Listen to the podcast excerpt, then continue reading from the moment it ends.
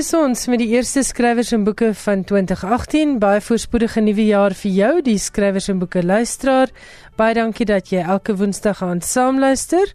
En my wens vir jou is hoop 'n goeie boeke en genoeg tyd om dit te lees, want 'n mens het altyd of die een of die ander. Ek is Elsje Saltzveld, hierdie is skrywers en boeke en in finansie program kan jy luister na 'n bydrae oor die Suid-Afrikaanse Biblioteek vir Blindes in Gramstad. Ek gesels met Dr William Rowland en dit is spesiaal vir gesiggestremde en blinde luisteraars om julle ook 'n bietjie te help om die wêreld van boeke te geniet. Dan gesels ek met Dedrik van der Walt oor sy roman Tussen Vriende en met Cliffordine Norton van Lapa se Romanza Club. En vier luisteraars kan elkeen boeke wen in finansies skrywers en boeke. So maak seker jy bly ingeskakel en jy het jou selfoon byderhand. En Johan Meiburg sluit ouer gewoonte vir ons die program af met sy internasionale boeke bydra. Maar sonder enige verdere omhaal, hier is Dr William Rowland van die Suid-Afrikaanse Biblioteek vir Blindes. Ek gesels vanaand met Dr William Rowland. Hy is die voorsitter van die Suid-Afrikaanse Biblioteek vir Blindes in Graamsstad. Welkom by Skrywers en Boeke William. Dankie en die luisteraars. Dit is 'n voorreg om by julle te wees. Ek kry gereeld navrae oor boeke vir blindes en gesiggestremdes. Nou wil ek by jou weet, hoe werk hierdie prosesse? Graamsstad is die een plek waar mense boeke kan kry. Ek weet daar's Bandhulp vir blindes en dan weet ek ook die Pionier drukkery in Woester het ook boeke vir blindes. Maar kom ons praat spesifiek oor die biblioteek vir blindes in Graamsstad. Ja, daar is daar die drie bronne wat jy genoem het, maar ek is die voorsitter van die grootste van hierdie dienste en dis die Suid-Afrikaanse Biblioteek vir Blindes in Graamsstad. Goed, hoe werk die proses om 'n boek op band te kry? En dan wil ek weet het mense byvoorbeeld 'n spesiale bandmasjien nodig? Jy moet vir ons siende luisteraars en ons wat heeltemal onbewus is van die dinamika van hierdie hele proses asseblief vertel hoe werk dit om 'n boek op band te kry en hoe om 'n boek weer by die biblioteek uitgeneem te kry? Goed. Wel, die blinde persoon of swaksiende persoon word 'n lid van die biblioteek. As jy eers 'n lid is, dan kan jy jou voorkeure te kenne gee of jy kan uit die katalogus self kies wat jy wil lees. En kos dit geld, William? Nee, dit is 'n gratis diens en die Suid-Afrikaanse poskantoor verskaf ook uh, gratis aflewering. Dit is baie belangrik vir ons diens. En dit is verpligtend onder die uh, voorsiening van die Universal Postal Union. Goed. Nou, op ons rakke het ons op die oomblik 12000 bereiltitels en 13000 audiotitels baie van ons lees audioboeke en brailboeke en dan het ons ook 'n aantal tydskrifte, 'n hele aantal. Ons het in die afgelope jaar nie minder nie as 124000 stukke afgelewer vir ons 6700 lesers. Dis verskriklik indrukwekkend, maar nou wil ek weet wie lees vir julle? Nou ons het 75 vrywilligers wat brailboeke vir ons oorskryf by die huis en dan word dit vir ons deurgegee om te reproduseer. En dan het ons nog 46 vrywilligers wat help met die klankopnames. Dis alles vrywillig, daar's nie besoldiging nie en mense kom na ons ateljee en kan dan opneem. Die audioboeke ek gebruik nog af en toe kassette, maar eintlik is CD formaat wat nou gebruik word. En dis 'n geslote stelsel wat net vir blindes toeganklik is. Sy naam is Daisy dit beteken digital access system daisy. En dit gee vir jou volkomme navigasie van jou boek. Jy kan vorentoe of agtertoe blaai om so te sê vir hoofstukke vir paragraaf vir frase selfs per woord. En uh, dit is baie maklik om te gebruik. Klankgehalte is uitstekend en dit word op 'n spesiale uh, speelapparaat geplaas om te speel. Goed, so julle kry julle kry die boeke soos jy sê nog hier en daar op kaset en dan op CD is daar byvoorbeeld 'n kitsdiens beskikbaar waar jy 'n potgooi of 'n audio leer kan aflaai ergens om byvoorbeeld dadelik na 'n boek te kan luister as jy so voel. Nie op die oomblik nie, maar ongelukkig het die posdiens in 'n mate onbetroubaar geword. Boeke vat dikwels baie lank om by jou uit te kom en soms bereik hulle jou glad nie. Die boeke raak weg. Mm. So ons wil 'n aanlyn diens instel sodat ons lede dan boeke direk van die uh, webwerf sal kan aflaai. Dit is 'n diens wat ons binnekort beoog en ek dink dit sal groot verskil maak veral vir die jonger geslag wat natuurlik baie vertroud is met hierdie tipe tegnologie. Ja, en soos jy sê in 'n land waar die posdienste nie op standaard is nie, dink ek dit moet geweldig frustrerend wees om te sit en wag vir 'n boek wat net nooit opdaag nie. Ja, dit is baie frustrerend en um, ek het nou maar my plaaslike posmeester bevriend. Ek wil hom sê elke maand en dan gaan my uh, motorbestuurders en doen dan sag groot op die mekaar boeke. goed, goed. Vertel vir ons van die versameling by die Gramstad Biblioteek vir Blindes. Is dit iets vir almal? Fiksie, nie fiksie, tydskrifte, akademiese boeke, wat is daar alles? Ja, alles wat jy nou genoem het is op ons rakke. Dit word deur bibliotekarisse gekeur en die blitsverkopers nuwe publikasies word oorweeg en kom met die tyd op die rak. Nie almal nie, want slegs 5 tot 10% van die boeke wat versiendes beskikbaar is, is vir ons beskikbaar. En in ontwikkelende lande minder as 1%. So jy moet selektief wees. Jy kan ook titels aanvra dan word dit geproduseer. Maar net om 'n goeie voorbeeld te noem, ek het e-pos van die biblioteek ontvang net voor Kersfees. Ons pos vir jou kopie van Jacques Bousse The President's Keepers. Fantasties. Ja, ja. So binne binne weke, letterlik 2 weke. Ja, eh, van my blinde maat het dit al klaar uh, as 'n e-boek aangekoop, maar uh, geval ek sou gratis ontvang van die biblioteek en sien baie dan uit om my volgende boek te maak. Goed, vertel vir my en, van 'n e-boek as jy nou sê van jou blinde vriende het dit as 'n e-boek gelees. Is daar e-boek lesers beskikbaar vir blinde ja, mense? Ja, die meeste lees dit maar op um, die rekenaar ek lees ook so. Ek self gebruik vier tegnologieë om te lees. Ja. Braille, die spesiale CD's wat ek van gepraat het, die Daisy stelsel, die oudtydse kassette, ek het 'n persoonlike leser wat ook vir my boeke vas lê en dan my gewone rekenaar. Ek kan ook daarmee lees. Goed, ek is nou heeltemal oningelig, maar het die rekenaar dan 'n stem waarmee hy lees of is dit 'n spesiale program wat jy aflaai?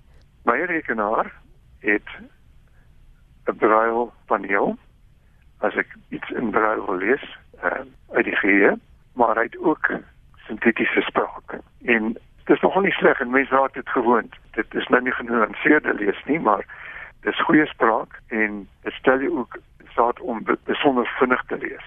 Ja. As ja. as ek my voorberei vir vergaderings en ander verpligtinge, dan stel ek my masjien baie vinnig en ek kan in baie vinnige tyd uh, my dokumente dan deurlees. William, dis vir my so lekker om met jou te gesels. Ek gesels met Dr. William Rowland, hy is die voorsitter van die Suid-Afrikaanse Biblioteek vir Blindes in Graamsstad. So dankie dat jy tyd maak om met ons te gesels hier op skrywers en boeke spesifiek oor boeke vir blindes. Jy sê hierdie biblioteek in Graamsstad is byna 100 jaar oud. Ons vier in 2019 volgende jaar ons 100ste verjaarsdag. Uh, daar sal 'n gala geleentheid wees.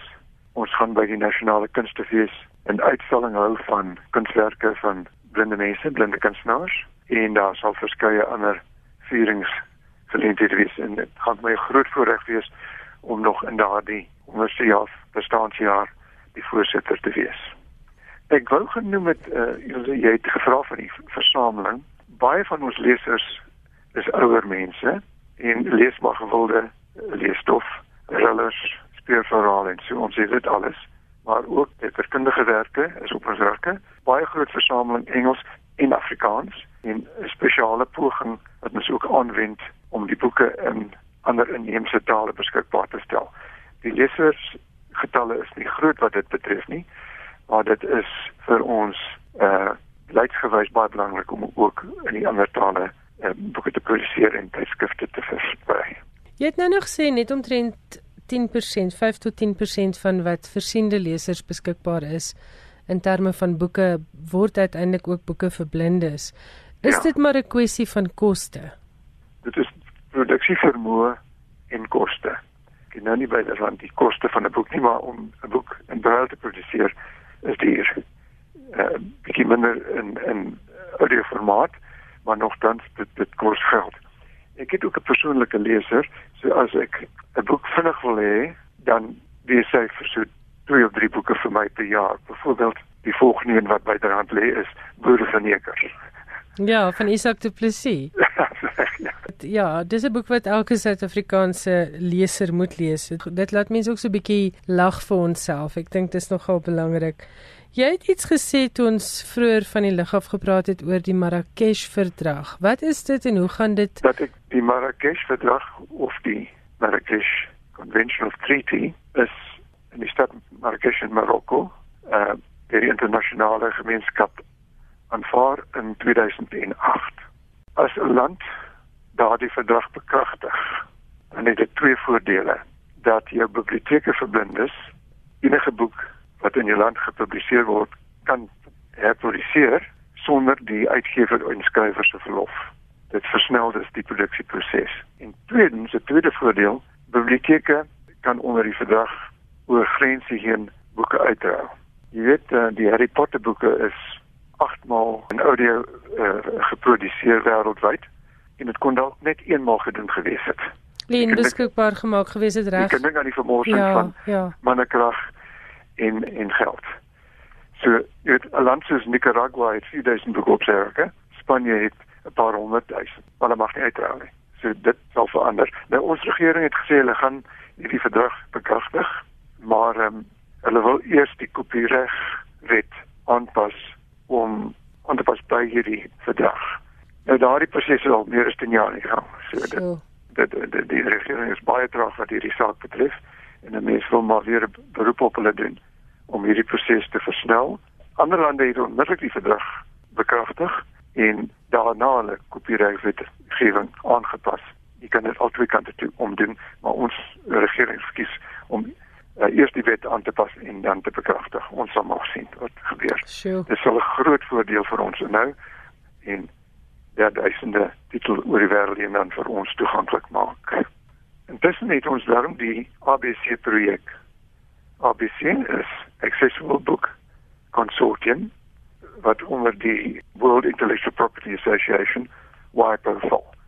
Die lande wat aan ABC behoort, kan wederzijds boeke uitruil en dit het byvoorbeeld die afgelope jaar vir ons 'n ekstra 178 titels op ons rakke gesit.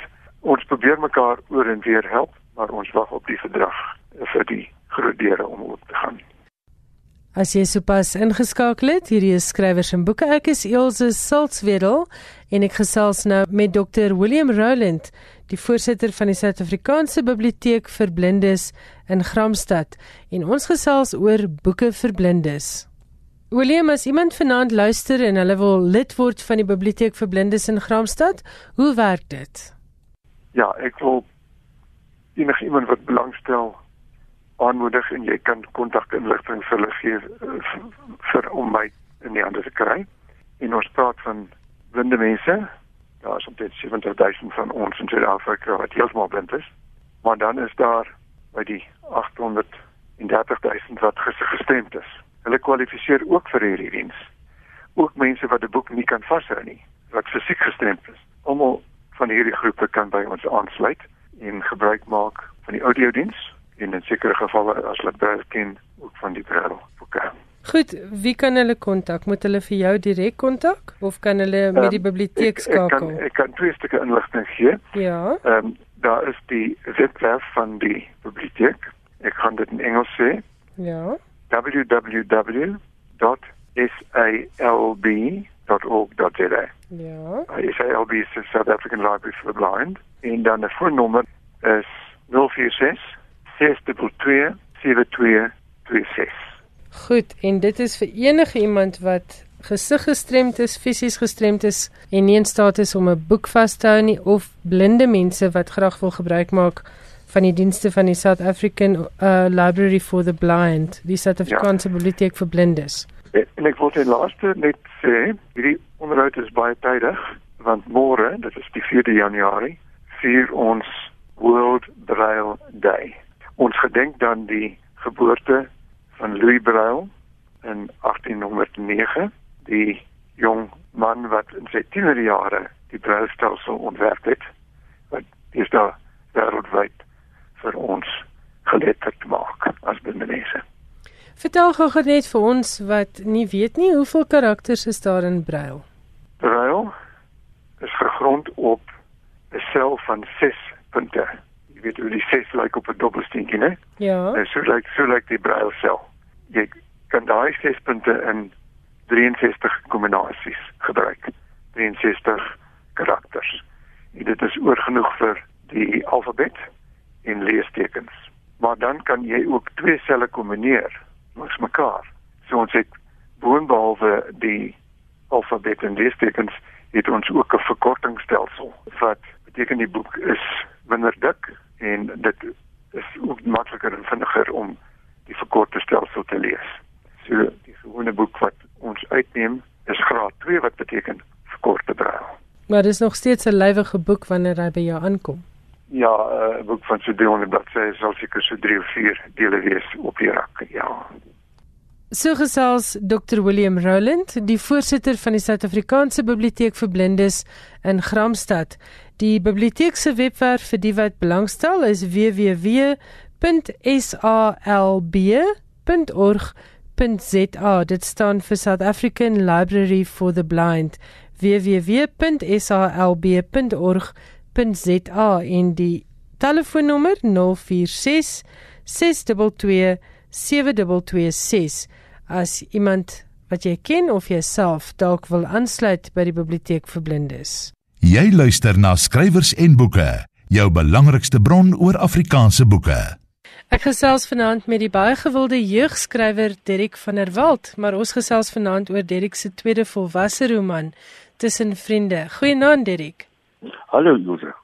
Ek weet jy hou nie van uh, onderskeidings tussen jeugfiksie en volwasse fiksie nie, maar Tussen Vriende is die verhaal van 3 amper afgetrede paartjies laat 50s, elkeen met sy eie krisis. Vertel ons so in 'n neutedop waaroor gaan die boek? Ek graag die sake wat deesdae in my lewe en my vriende se lewe in die kollig is belig. Uh, dit gaan oor drie paartjies in hulle 50er jare, elke een het sy eie krisis. Uh Adrian en Ingrid het besluit oor familieplaas en Ingrid ontdek sy het 'n knop in haar bors. Cassie en Phoebe het 'n seun wat hulle mee moet vrede maak en aanvaar. En dan het ons uh, uh Suki en Will op spesifiek haar karakters saam. Suki en Will Suki ontdek hulle te verhouding met 'n jong meisie by sy werk. Dis man of meer dit. En hierdie hierdie gegewe veral Will se verhouding krap eintlik die waters in hierdie vriendekring heeltemal te mekaar. So ja, hulle moet ook hulle ja. vriendskap herontdek en as dit ware herdefinieer want wie se kant kies 'n mens? Dis reg. Jy het bekend geword met Lense Langstaanskoene. Dit was die jeugroman waarmee ons vir Derek van der Walt as skrywer ontdek het, maar jy's eintlik 'n opgeleide joernalis en jy skryf jou hele lewe lank. Vertel ons 'n bietjie hoe dit gebeur dat 'n joernalis 'n skrywer word. Weet jy, ek het altyd die ou staaltjie, ek het net 3 kompetisie oor die radio gewen met 'n opstel wat ek geskryf het. So ek onthou dies, dis dit iets vir my gedoen om te kan skryf. Maar ek het so besig my lewe met uh ek het eie besigheid om die pot aan die kook te hou en ek het baie oor landbou dinge geskryf en ek het regtig nooit daaraan gedink om kreatief te skryf nie. Ek het letterlik 9 jaar gelede met 'n storie opgestaan een Saterdagoggend en dit het toe linse lank staan skoene geword. En as die boek nie so goed gedoen het nie, dan dink ek nie ek sou skryf so ernstig opgeneem het as wat ek nou doen nie. Maar jy uh, het meer jeugboeke geskryf as volwasse boeke. Hoekom so? Ek het dit nou al soveel keer gesê en ek voel baie sterk daaroor dat mense noodwendige boek as 'n jeugboek moet beskou as die hoofkarakter 'n matriekmeisie of matriekseun is nie. So, uh die ouderdom van my karakters en die ouderdom van die potensiële lesers is my heeltemal irrelevant. Ek dink nie eers daaraan nie. So ek dink my jeugboeke is almal soort van die Engelse term is crossover. Met ander woorde, jong mense kan dit lees, maar ouer lesers ook. So ek dink dis min of meer waar my boeke behoort te lê. Ja, jy trek nie weg nie, jy dink jy gaan 'n jeugboek skryf nie. Die karakters kom Laat eers in die storie uh, en dan dan raak jy aan die skryf. Absoluut. En uh, ek dink die ouderdom op hoërskool is 'n fascinerende 5 jaar.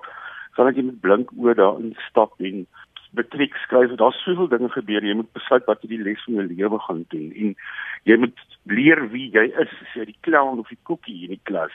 En dit is vir my 'n fascinerende 5 jaar omdat daar soveel ingrypende besluite deur jong mense geneem moet word. En ek sê altyd ek weet nie ons het gedoen het nie, maar ons het aan die ander kant uitgekom. Ek wil weer terugkom na tussen vriende. Niks van jou skryfwerk is biografies nie. Jy skryf nie oor goed wat in jou eie lewe gebeur nie. Maar hier in tussen vriende is daar wel vir my 'n baie interessante storielyn en dit is uh Ingrid se borskanker. Dit is wel 'n biografiese element. Vertel vir ons, hoekom het jy besluit om so kwessie by hierdie boek in te sluit? Ek het toevallig daaraan gedink. Ehm um, gewonder wat beteken dit vir 'n man as sy vrou daardeur gaan. En uh, ek het 'n baie goeie vriendin wat nou wel deur die episode is en sy het vir my baie mooi vertel hoe werk alles en wat se invloed dit op jou lewe het en op jou man se lewe. So ja, dit was 'n baie interessante tema, die borskanker hier. En jy het dit nogal baie goed gedoen. Ek wil vir vroue lesers sê Derek het dit geskryf asof hy dit self beleef het en vir manlike lesers wil ek sê as jou vrou ooit in haar lewe borskanker gehad het of as sy nou daarmee gediagnoseer word, lees hierdie boek want ek dink dit gee 'n verrassende kykie na hierdie siekte uit 'n man se perspektief. En oor die manlike perspektief gepraat, hoe kry jy dit reg om in vroue karakters se koppe te klim? As ek nie eintlik aan die ouderdom van my karakters dink nie, dink ek ook nie spesifiek aan hulle vanuit 'n manlike of 'n vroulike oogpunt nie. Ek beskou hulle as mense. Wat hoe werk hierdie mens se lewe en wat is die dinge wat hierdie mens in sy kop of sy of haar kop aangaan? Verder het gelukkig baie formidable vroue in my lewe.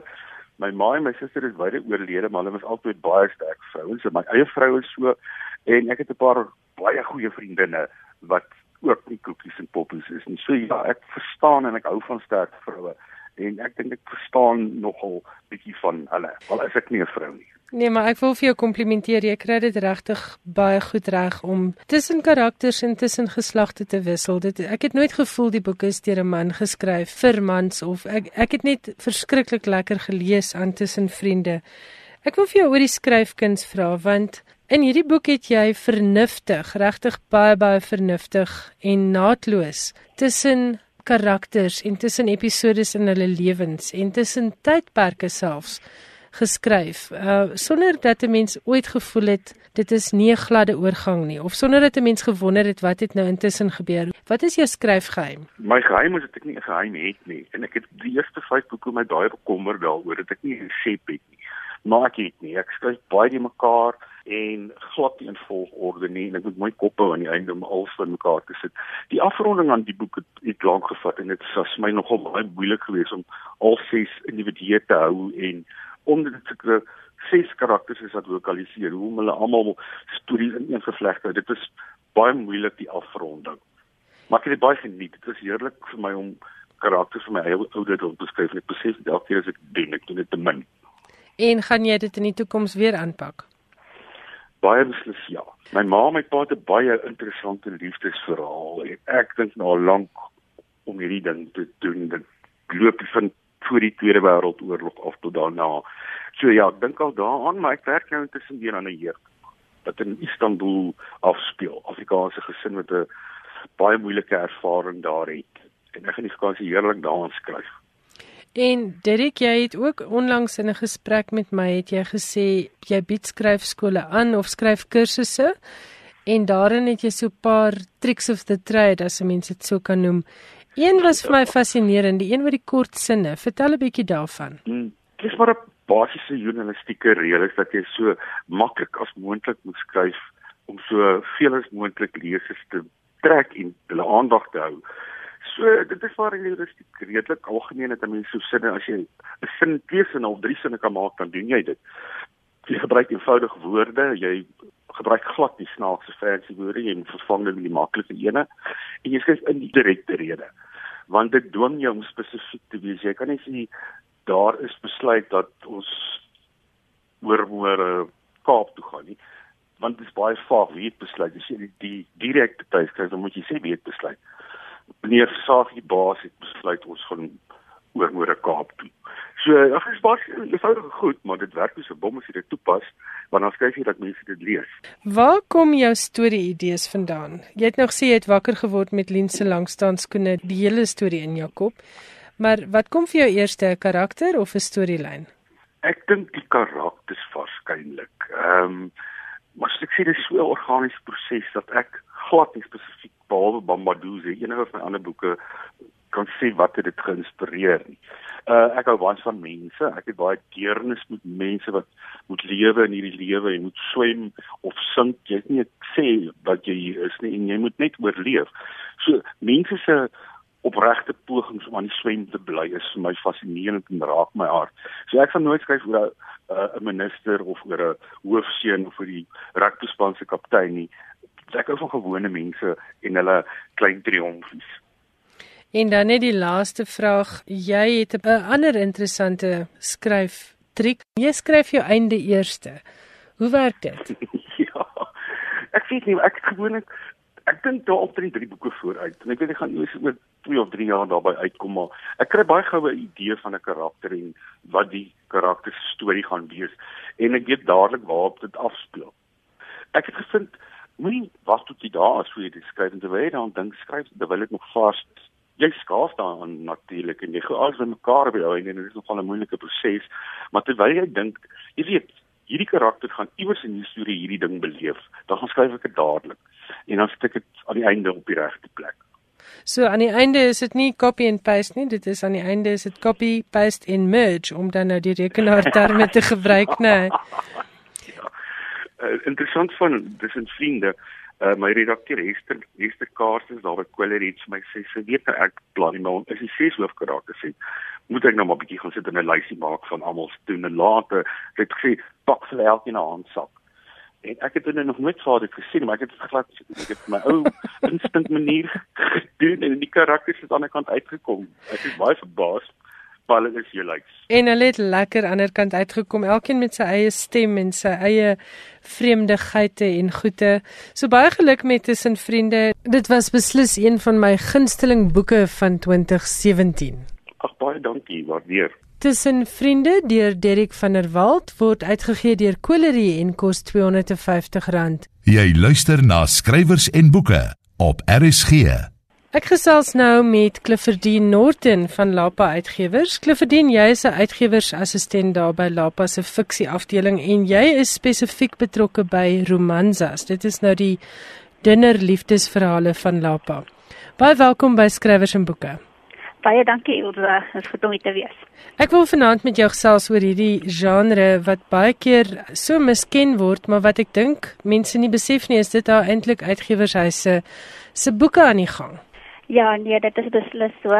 Ons het in Mei van jaar 2017 toe kyk ons na die fliek Love Between the Covers en die fliek het basies 'n kykie gegee in wat is hierdie billion dollar industrie want dit is 'n besigheid wat biljoene rande in die sak vir besighede bring. Baie mense miskien die feit dat dit 'n winsgewende uh, besigheid is omdat uh, die stigma daaraan is dat dit oppervlakkig is, dat dit ligsinnig is, dat dit binne 'n paar uurtjies gedoen kan word. Dit word nie in 'n paar uur geskryf nie, maar dit word in 'n paar uur gelees en daarom gee jy 'n klomp daarvan per jaar uit. Hoeveel verskillende romansa titels per jaar? Um, ons gee 4 maande tyd, 48 jaar. En dit is nou behalwe die omnibusse wat julle doen wanneer julle verskillende skrywers of temas bymekaar sit. Ja, nee, dit is nou behalwe die omnibusse en ons het ook uh verlede jaar begin met 'n langer roman superromansa. Daarvan verskyn 12 jaar. Die omnibusse gaan nou ook 12 jaar verskyn en dan ons in Augustus in 2017 het ons begin met die e-boek reeks Romansa Liefde waarvan ons twee uitgee. Vertel ons van Romansa Liefde want dit is 'n splinternuwe produk en dit is as e-boeke beskikbaar eksklusief met die idee dat mense baie vinnig ietsie kan aflaai om te lees as hulle sonder leesstof is. Ja, liefde is omtrent jaalste van 'n groter romansa, die tradisionele Mills and Bones konsep. Dit is 20000 woorde en dit is geskep met die idee dat mense dit baie vinnig kan lees. Een van ons uh, lesers en 'n voormalige kollega van ons was 'n ma van twee kinders en al twee kinders was onder 5 jaar oud. En sy het gesê die groot probleem is sy hou van lees, maar sy sal nie kan met 'n romansa gaan sit en letterlik die hele boek klaar lees. Sy sal teen bladsy uh teen bladsy 30 of woordstuk 3 sal sy uh, onderbreek word en toe dink ons hier is al 'n nice konsep wees. Dit fokus nog steeds op die liefdesverhaal, maar dit is korter, dis meer intens. Dit brei nie so baie uit soos die ander op die vrouulike karakter sal ek sê, die heldin so baie nie. Dit daar is net nie spasie vir dit nie. Met ander woorde, dis eintlik 'n baie langer kort verhaal as mense dit nou so kan stel, 'n novelle. Ja, nee, dit is 'n perfekte beskrywing. Die romansa leser. Julle het baie van hulle. Ek het nou die dag syfers gekry vir 'n artikel op afrikaans.com. Daar word byna 'n half miljoen liefdesverhale by Lapa alleen verkoop per jaar. Dit is nou behalwe NB Uitgewers wat ook 'n liefdesverhaal reeks het. Wie is die romantiese fiksie leser? Die romantiese fiksie leser sal ek sê kan nie gedefinieer word nie en dis wat baie mense miskyk. Sy is nie 'n vervelige huisvrou nie. Sy is enige iemand van 'n huisvrou tot een van ons gunsteling e-boek romantiese fiksie lesers is 'n vrou wat haar eie georganiseerde rekenmeester maatskappy het en sy laaf dit. Sy jy pos my janke maar met 'n vrou wat sy nuwe boeke. So, die romantiese fiksie leser is enige iemand. Sy kan 'n huisvrou wees, sy kan geleerd wees, meeste van hulle is geleerd. Um, en hulle lees dit vir die gerief, die ontvlugting daarvan sonder dat hulle se intelligensie onderskat en dit is die romantiese leser in korting. En sy is ook iemand wat wyd lees. Sy lees nie net liefdesverhale nie, sy lees spanning, sy lees nie fiksie. Sy uh lees algemene fiksie. Sy sal prof Hans geniet op 'n ander manier, maar net soos sy enige Dina Botha geniet. Kom ons praat oor die ontvlugtingsaspek daarvan want navorsing het ook bewys dis hoekom mense dit lees, hulle wil bietjie wegkom van die druk van alledaagse lewe van werksituasies, miskien 'n slegte huwelik, miskien eensaamheid, maar daar is hierdie ou feit wat Cecilia Brits wat jou baas was vir baie jare altyd ehm um, vertel het van in in oorlogstye verkoop twee goed baie goed en dit is rooi lipstifie en liefdesverhale. So wat dink jy as Cliffordine wat nou 3 jaar lank al hiermee werk, wat is dit wat dit so 'n gewilde vorm van ontspanning en ontsnapping maak? Ek werk al 3 jaar daarvan, ek lees al 13 jaar daarvan dit is vir my ontvlugting. My kop is heeldag besig. Ons kry konstant negatiewe nuus via die sosiale media, die internet. Vir my is dit ek kan vir 'n paar uur, 3 tot 4 uur afskakel, lees, terugsit. Dit gaan 'n goeie einde wees. Ben nie hoef te bekommer daaroor nie. En as ek daar uitkom, dan voel ek verfris. Ek sien weer kans vir die lewe. Ek sien weer kans om te luister na al my vriende en so honderde probleme my met my eie probleme self op te los. Dit gee vir my krag sal ek sê in korting. En dit is daardie ding van afskakel jou inlewende verhaal en jy te gewaarborgde goeie einde.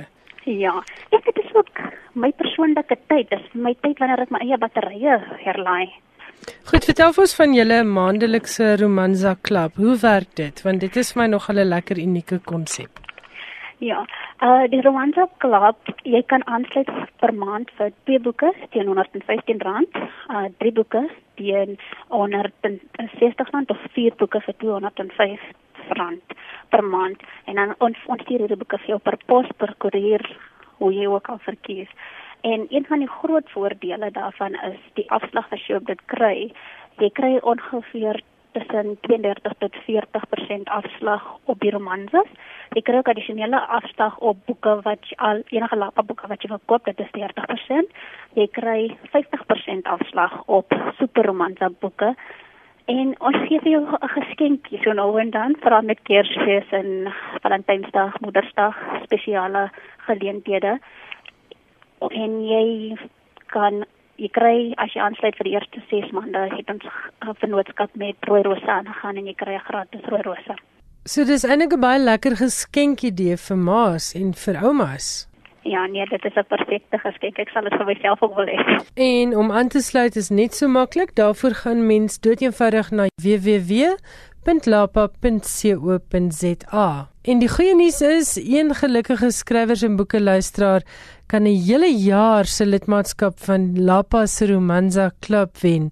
Stuur eenvoudig die woorde Lapa Romanza na 45770 met jou volledige posadres. Lapa Romanza na 45770 en staan 'n kans om 'n jaar se lidmaatskap van die Lapa Romanza Club te wen. En dankie Clifford Norton van Lapa vir die lekker onderhoud. Jy luister na skrywers en boeke en nou is dit tyd vir so klein musikale verposingkie. Ons luister na Herman Kleinhans met Net jy weet. Want ons baie het gekruis en die hemel het getruis. Elke antwoord te besluit, maar net jy weet, net jy sou ooit weet. En die tyd die voel dalk min Maar hierdie is nog net die begin van ons storie ons verhaal, maar net jy weet, net jy sou ooit weet. Sal mos nooit die einde van daai gesprek kan vergeet sien ons steeds die nacht op jou wang. Ek dink ons sal twee was van het bang Ek sal die stalkies opmaak. Wacht jy net dan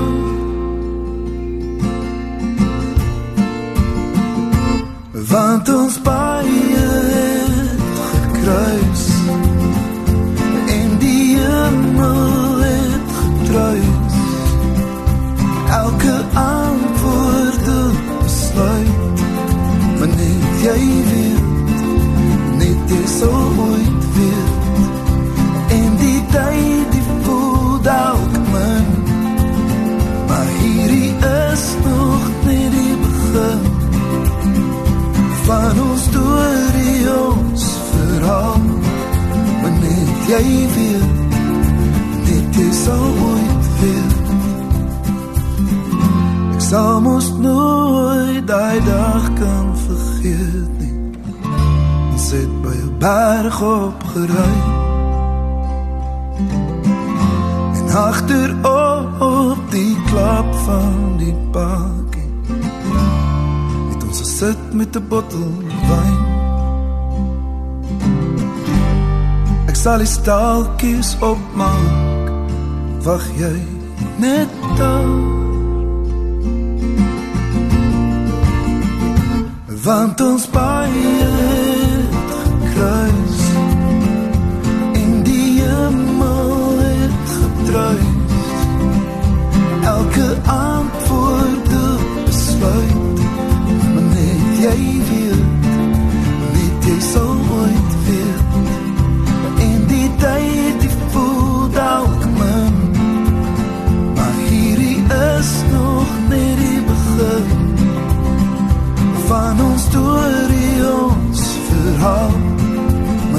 jy weet Net jy sal ooit weet Ja ons baie het gekruis. En die hemel het getruis. Elke antwoord besluit. Maar net jy weet Net jy sal ooit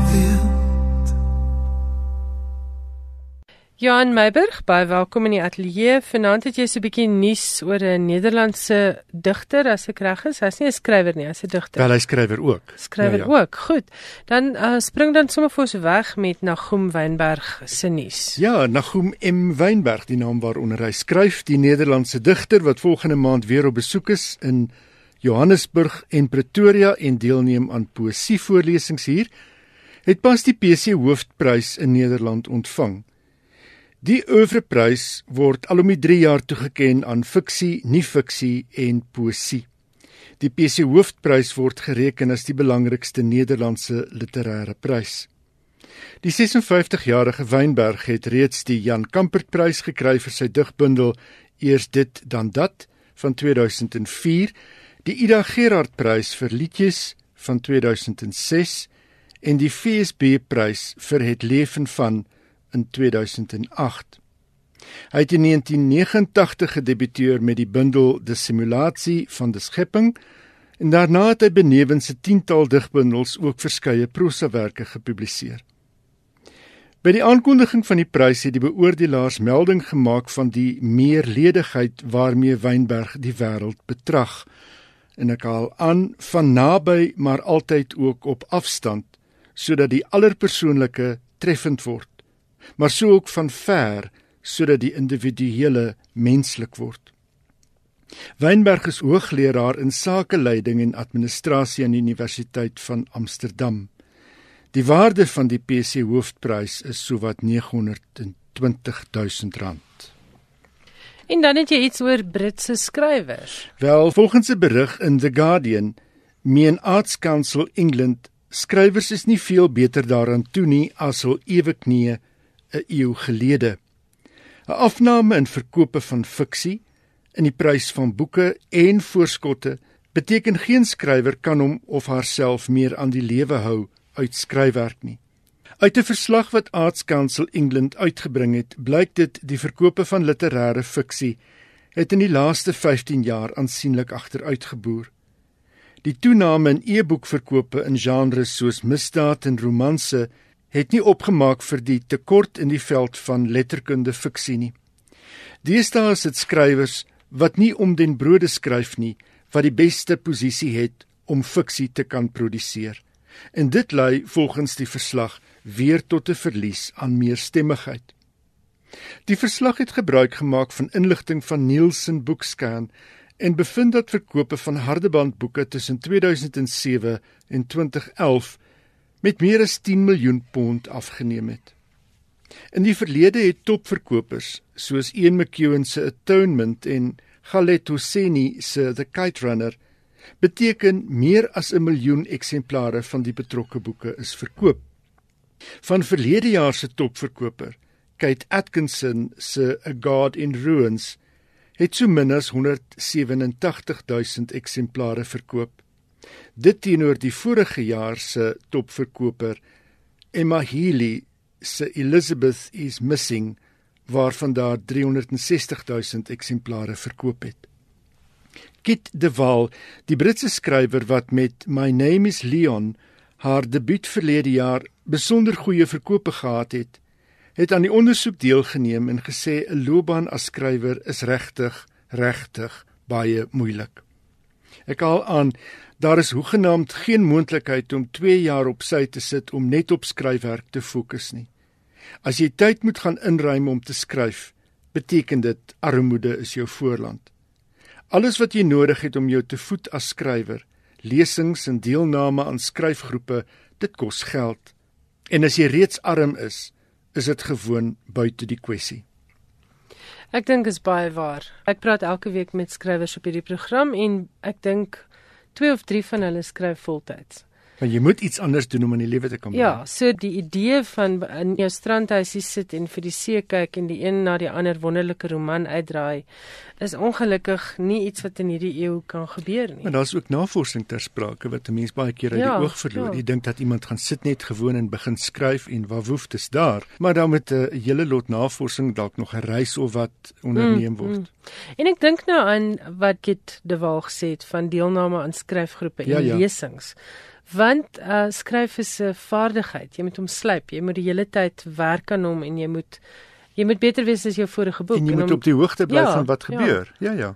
So dit is eintlik nogal tragies, maar ek bewonder mense wat ten spyte daarvan nog steeds fantastiese fiksie skryf. Inderdaad. Hoewel nie net fiksie ja, ja. nie, nie fiksie vat selfs nog meer navorsing. Dan het jy iets oor Ben Okri. Nigeriese skrywer en later in die program het jy gesê praat jy ook oor die stand van skryfwerk in Nigeria. Dis reg, ja. Goed. Van Ben Okri het daar pas The Magic Lamp verskyn. Die boek het die subtitel Dreams of Our Age en illustrasies deur Rosemary Clooney, wie se werk iewers lê tussen die van Juan Miro en Quentin Blake. Dit was Clooney se kleurryke prente wat die vertrekpunt was vir die boek wat beskryf word as vier verhale vir groot mense. Getrou aan Okri se voorliefde vir fabels, fantastiese verhale en magiese realisme, is die bundel verhale nie konvensionele kortverhale nie, maar eerder soos drome moeilik om onder woorde te bring.